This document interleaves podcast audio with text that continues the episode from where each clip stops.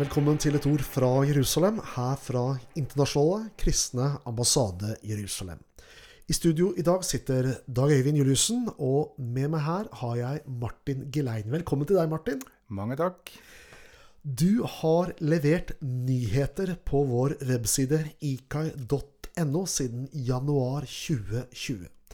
Og det er tusener som har lest eh, og leser dine saker og dine kommentarer. Eh, før vi snakker mer om det her, for du har nemlig begynt nå i en prosjektstilling her i Den kristne ambassaden. Men før vi går mer inn på det, så vil jeg at du skal fortelle litt. Hvem er du, eh, Martin? Ja, jeg er 47 år og trebarnsfar og bosatt i Grimstad. Jeg er utdanna sosionom, og så har jeg en mastergrad i teologi.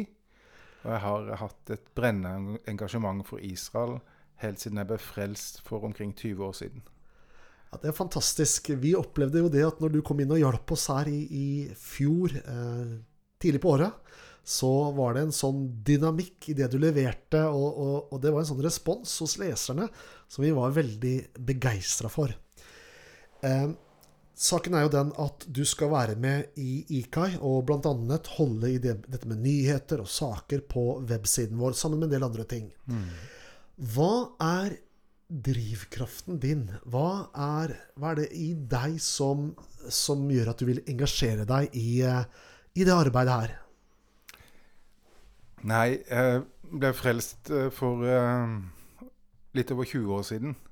Og da hadde jeg bak meg ti år med rusmisbruk. Og jeg var, hadde det veldig dårlig. Og Jesus møtte meg på en vidunderlig måte. Og i den forbindelse så begynte jeg å lese Bibelen. Og der uh, sto det mye om Israel. Om uh, jødiske folk. Og jeg så hvordan profetiene gikk i oppfyllelse. Og det som ble sterkt for meg den gangen, og som er sterkt for meg enda, det er Guds trofasthet. Og hvordan Gud har vært trofast mot jødiske folk, mot Israel, til tross for deres troløshet. For det var akkurat det jeg fikk erfare. Jeg hadde gått bort fra Jesus som, som ung kristen tenåring. Eh, og det hadde ikke vært aktuelt for meg med troen og sånn. Jeg var opptatt av alle mulige ting. Men eh, så kom jeg til meg selv, og så vendte jeg hjemover, og så kom han meg løpende i møte. Eh, og når jeg har fått oppleve det, så ved siden av å lese Guds ord, så skjønte jeg det at det er det her Israel er i ferd med å oppleve. At Gud tar det til nåde igjen. Ja. Gud leder det hjem, og Gud gjenoppretter nasjonen. Og han skal gjøre det òg på en åndelig måte. Mm. Hvordan opplever du at Israel behandles hva skal vi si, i våre medier og det politiske regimet? Israel er jo i overskriftene, om ikke hver dag, så er det i hvert fall nesten hver uke. Til tross for at de er et veldig lite land mindre enn det som var Hedmark fylke, innerst i Middelhavsbukta. Hvordan opplever du at uh, denne, dette demokratiet i Midtøsten blir behandla her i landet vårt? Nei, Det er jo et massivt trykk. Men det er jo ikke noe nytt. Det er jo ikke så lenge siden jødene fikk lov til å komme inn i det her landet. De fikk jo i mange hundre år ikke lov å sette sin fot. Uh, uh, men så har det kommet en liten lomme et mirakel i historien, der nasjonene åpna opp for at jødene skulle få vende hjem og opprette Israel. Men nå er de i ferd med å lukke seg igjen igjen. Og nå flykter jo, eller emigrerer mange jøder fra Europa igjen eh, fordi at antisemittismen øker. Og i norske medier eh, er jo kanskje noe av de verste i hele verden på å demonisere jødene med en ensidig og ubalansert kritikk som, som fremstiller jødene nærmest som som hjerteløse, grusomme undertrykkere, istedenfor å iallfall i tillegg se saken fra deres perspektiv. Mm. Mm. Ja, det er i hvert fall sånn de fremstiller Israel gang på gang, og det har vi jo sett mange eksempler på, mm. på, på gjennom årene. Vi skal snakke mer om det her, men først skal vi høre litt musikk. Mm.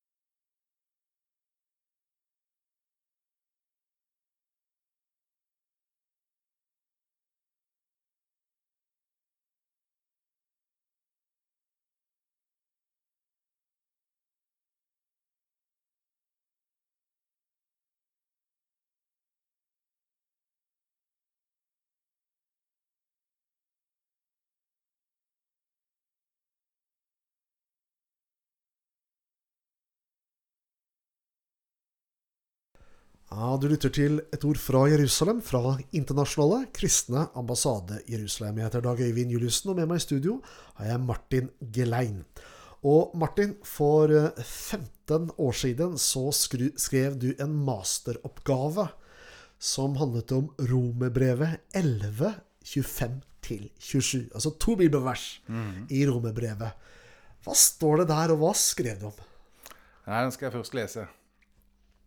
For jeg vil ikke, brødre, at dere skal være uvitende om denne hemmeligheten, så dere ikke skal være kloke i egne øyne, nemlig at forherdelsen har rammet en del av Israel inntil fylden av hedningefolkene er kommet inn. Og slik skal hele Israel bli frelst, som det er skrevet, utfrieren skal komme fra Sion, og han skal vende ugudelighet bort fra Jakob, for dette er min pakt med dem, når jeg tar bort deres synder. Og mitt spørsmål til den teksten var om eh, Israels eh, frelse som omtales her. For det er de fleste enige om. Eh, at, for det er jo det som står der, så det er vanskelig å bortforklare. Men om det har en sammenheng, og om det medfører et jordisk rike for Israel. Og I den akademiske teologien, særlig i Europa, det er litt annerledes USA, så avskriver en det. Så når en kommenterer den teksten, som det er skrevet eh, masse kilometer om i, i, gjennom historien, så kommenterer en ikke det som har med det jordiske Israel å gjøre, for en snakker bare om en åndelig frelse. Eh, og ut ifra mitt synspunkt, og sånn som jeg er glad for at vi ser det i denne sammenhengen, så omhandler jo det, og inkluderer jo det nettopp jødenes hjemvendelse og gjenopprettelsen av Israel som nasjon. Mm. Nettopp så Den jødiske nasjonen Israel, som i dag eksisterer foran våre øyne, den avskrives i den uh, sammenhengen som, som, Bibelen taler om her. Ja, for de, ikke, de, ønsker ikke å definere seg som erstatningsteologer lenger. Eh, men i praksis så er de det. For det eneste de forholder seg til, det er at jødene trenger evangeliet, og at jødene eh, skal bli frelst, for det står det, skriver Paulus. Men i profetiene, som, eh, som vi tror på, så har det sammenheng med at de vender hjem. Og nettopp ofte er en forutsetning, og noe som går forut for den åndelige gjenopprettelsen. Ja, Det her er interessant, for det ser vi at profeten også taler om flere steder, i, også i Det gamle testamentet. Det som egentlig Paulus snakker om her. Mm. Eh, hva tenker du om kirkens historie i møte med det jødiske folket? Nei, det er jo en krise. Etter at eh, evangeliet gikk ut fra Jerusalem, eh, fordi det brøt ut forfølgelser, så var det jo millioner av innbyggere i Romerriket som kom til tro, og hundretusener som ble drept. Så finner keiseren ut at eh, for å holde riket samla, så lager han og skaper en variant av kristendommen, den romersk-katolske tradisjonen, for å holde riket samla. Og i den tradisjonen så er erstatningsteologien helt sentral. Hva er erstatningsteologi, eh, Martin? Keiseren ønska å skape et tydelig skille mellom jøder og jødisk tro og den romersk-katolske tradisjonen. Han forandra navnet på helligdagene, tidene for når de ble feira, og innholdet i feiringene. På den måten så slapp jøder og kristne å feire samtidig. For det var en uting og en vederstyggelighet både for kirkefedrene og de romerske keiserne. De, vil, de, ville avsi deg den jødiske tilknytningen. Ja, og så sier de at uh, Gud er ferdig med Israel. Alle løftene er forkasta. Paktene er annullert. De evige paktene. Også at jødene da har, nei, de kristne, dvs. Si de romersk-katolske kristne, har arva det og fått overført de løftene til seg. Og Dermed så la de òg grunnlag for lover og regler som førte til diskriminering og utestøtelse, forfølgelser og massakrer i det kristne Europa gjennom århundrene, helt fram til vår tid. Mm. Og Dessverre, så med reformasjonen, så ble ikke det noe bedre. Luther skrev egne jødefiendtlige, grusomme tekster. Og nazistene brukte både kirkefedrene og Martin Luthers antijødiske skrifter til å legitimere folkemordet på jøder. Mm. Ja, det er et eh, Jeg bruker å si det sånn at det er det mørkeste kapittelet i vår uh, felles kirkehistorie. Men i våre dager så pågår det jo en forbrødring mellom kristne over hele verden. Vi snakker om millioner kristne mm. fra ulike evangelikale sammenhenger. og det jødiske folket. Jeg snakket nettopp med hadde lagd et digitalt intervju med sønnen av Benjamin Netanyahu, nemlig Yair Netanyahu. Og han sa det at dere evangeliske kristne, dere er våre beste venner, sier han. Det er jo i sterk kontrast til det som historien her vitner om. Ja, det er så fint du sier det er et kapittel, et mørkt kapittel. Det, fin det fins mørke kapitler i Bibelen. Det fins mørke kapitler i mitt liv. Det fins mørke kapitler i vår alles liv. Men det siste ordet er ikke sagt, fordi Gud er trofast. Og, og jødene har blitt så godt som vaksinert for evangeliet. Og øh, så har det altså skjedd en forandring. Og de siste 100 åra har det kommet flere jøder til tro enn de foregående 1900 åra til sammen. I 1948 var det mellom 15 og 20 messianske jøder i Israel. I dag regner den eh, messianske bevegelsen med at det kan være så mange som 50 000. Og vi som kristne, som evangelikale kristne, vi fremmer Guds frelsesplan både for Israel og nasjonene og Jesu gjenkomst ved å velsigne Israel og være med å åpne deres øyne for evangeliet. Og det er vi skyldige i. Ja, vi står i gjeld til dette folket. Vi er kommet til veis ende i et ord fra Jerusalem, fra Internasjonale kristne ambassade i Jerusalem. Og du har hørt Martin Gelein, og jeg heter Dag Øyvind Juliussen. Takk for at du fulgte oss.